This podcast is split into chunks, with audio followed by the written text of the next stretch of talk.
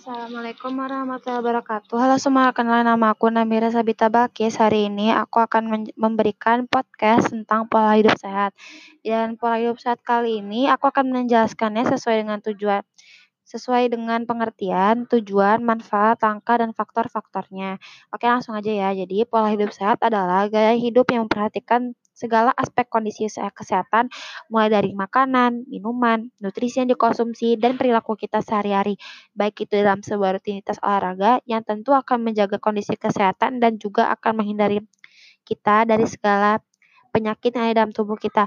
Kesehatan adalah dambaan kita semua untuk hidup sehat tentunya akan menja akan menjalankan sebuah aktivitas rutin dengan memperlihatkan atau memperhatikan gaya hidup sehat.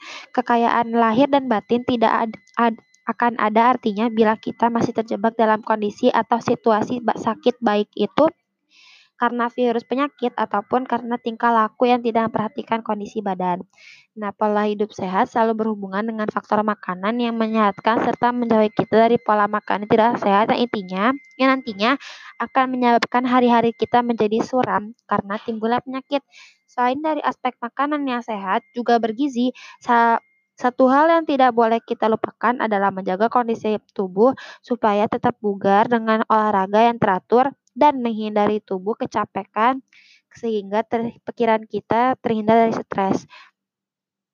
Dengan selalu memperhatikan pola hidup sehat, semoga kita selalu dalam keadaan sehat, dapat menjalani kehidupan ini dengan penuh makna bersama keluarga atau lingkungan sekitar kita. Sekarang aku akan menjelaskan tentang tujuan atau manfaat pola hidup sehat.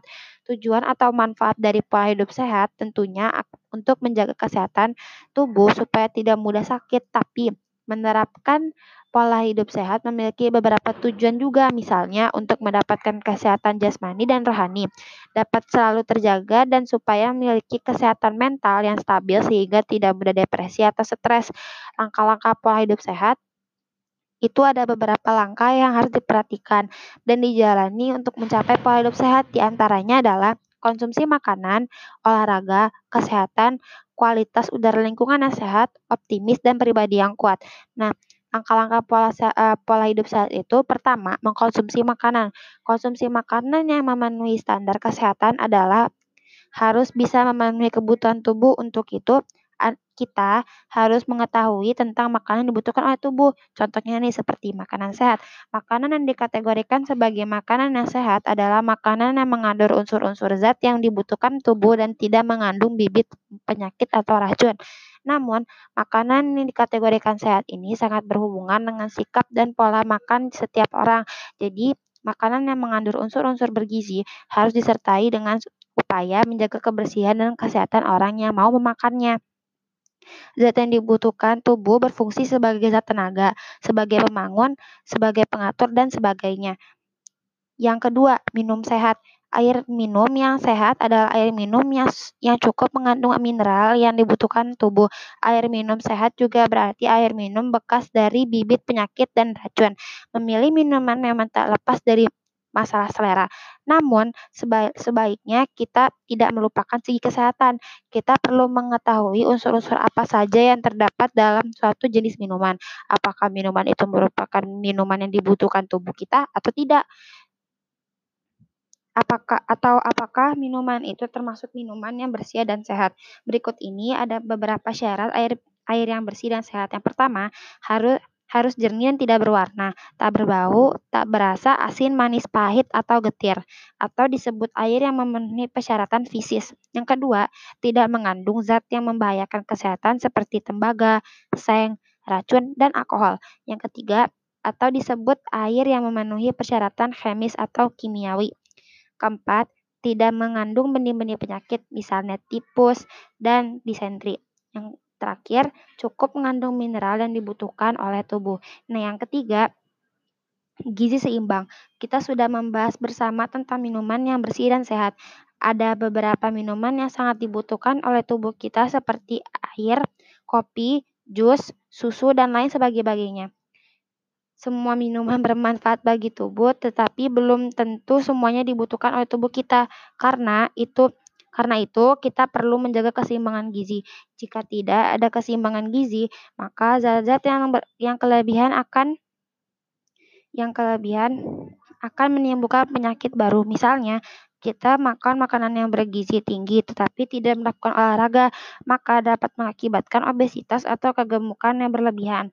Gizi seimbang adalah susunan menu seimbang yang dapat memberi yang dapat memberikan satu cukup kalori eh, kalori atau energi guna memenuhi kepengeluaran pengeluaran energi setiap hari. Dua, cukup protein guna memenuhi keperluan tubuh untuk pertumbuhan. Ketiga, cukup lemak guna keperluan tubuh akan asam lemak tak jenuh untuk dan untuk menggunakan vitamin-vitamin yang larut dalam lemak. Yang keempat, cukup vitamin dan mineral. Yang kedua, berolahraga. Olahraga adalah kegiatan yang mudah dilakukan tetapi banyak yang mengabaikannya. Nah, yang ketiga, yang ketiga, istirahat yang cukup. Istirahat yang cukup dapat memberikan dampak bagi tubuh kita yang letih dan memberikan cukup waktu untuk mengembalikan tenaga yang dipakai. Keempat, mengondisikan udara yang bersih. Bagi yang tinggal di kota besar, sulit rasanya untuk bebas dari polusi. Walaupun demikian, kita harus berusaha meminimalisir hal tersebut, setidaknya tidak menambah buruk kondisi udara. Hal tersebut dapat kita lakukan dengan cara seperti menanam tanaman pot di depan sekeliling rumah dan menyisakan lahan untuk ditanami pohon walaupun lahan itu hanya cukup untuk satu pohon. Yang kelima, mengondisikan lingkungan yang sehat.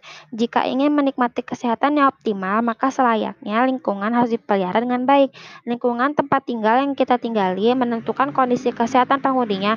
Apabila lingkungan bersih, maka kita akan tidak dari berbagai penyakit. Namun sebaliknya, apabila lingkungan kita tidak sehat, maka kita akan buat terserang berbagai penyakit.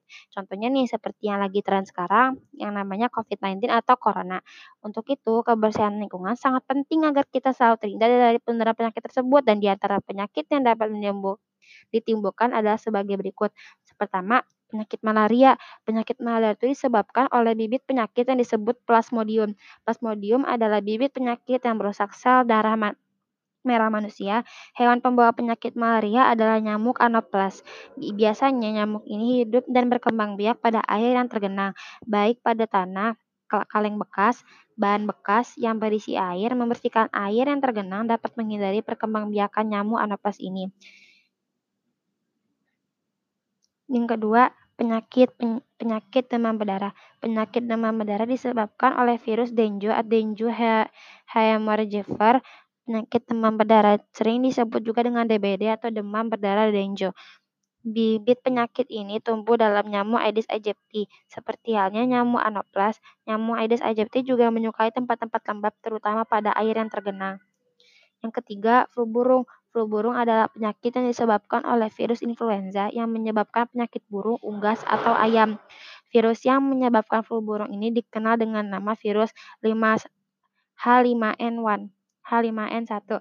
H5N1. Virus ini tidak hanya dapat menular dari berbagai burung, tapi ternyata juga dapat pula menular pada burung ke manusia. Yang kelim, yang selanjutnya kencing tikus atau laptop, leptospirosis. Leptospirosis sering juga disebut dengan penyakit kencing tikus. Penyakit ini biasa ditularkan oleh melalui kencing tikus yang terbawa masuk ke dalam tubuh manusia. Oleh karena itu disebut dengan penyakit kencing tikus. Penyakit kencing tikus adalah penyakit infeksi disebabkan oleh kuman Leptospira atau uh, Leptospira patogen. Nah, faktor yang mempengaruhi pola hidup sehat itu ada ada pun beberapa faktornya. Pertama, gaya hidup. Tentu saja nih gaya hidup seseorang akan memberikan dampak pada kesehatannya sendiri. Bagaimana cara seseorang individu tersebut dalam menjalankan pola hidupnya? Apakah sudah besar benar-benar menjalankan pola hidup sehat atau masih belum? Gaya hidup seseorang individu juga bisa terpengaruh dari lingkungan sosialnya. Gaya hidup seseorang individu dapat diubah misalnya dengan cara memberikan pembelajaran bahwa pola hidup yang sehat itu sangat penting. Yang kedua, perubahan gaya hidup, zaman dan perekonomian semakin maju serta selalu mengalami perubahan tentunya dengan perkembangan teknologi yang semakin maju dengan pesat.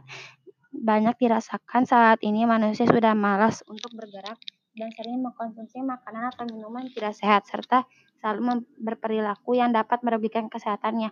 Maka untuk itu seorang individu harus selalu menerapkan pola hidup sehat untuk menjaga kesehatan di tengah perkembangan zaman yang di mana gaya hidup selalu merubah perubahan. Demikianlah pembahasan eh, mengenai pola hidup sehat sesuai dengan pengertian, tujuan, manfaat, langkah-langkah, dan faktor. Semoga dengan adanya ulasan tersebut dapat menambah wawasan dan pengetahuan buat kalian semua ya. Terima kasih atas atas kerjasamanya. Terima kasih sudah mendengar. Wassalamualaikum warahmatullahi wabarakatuh.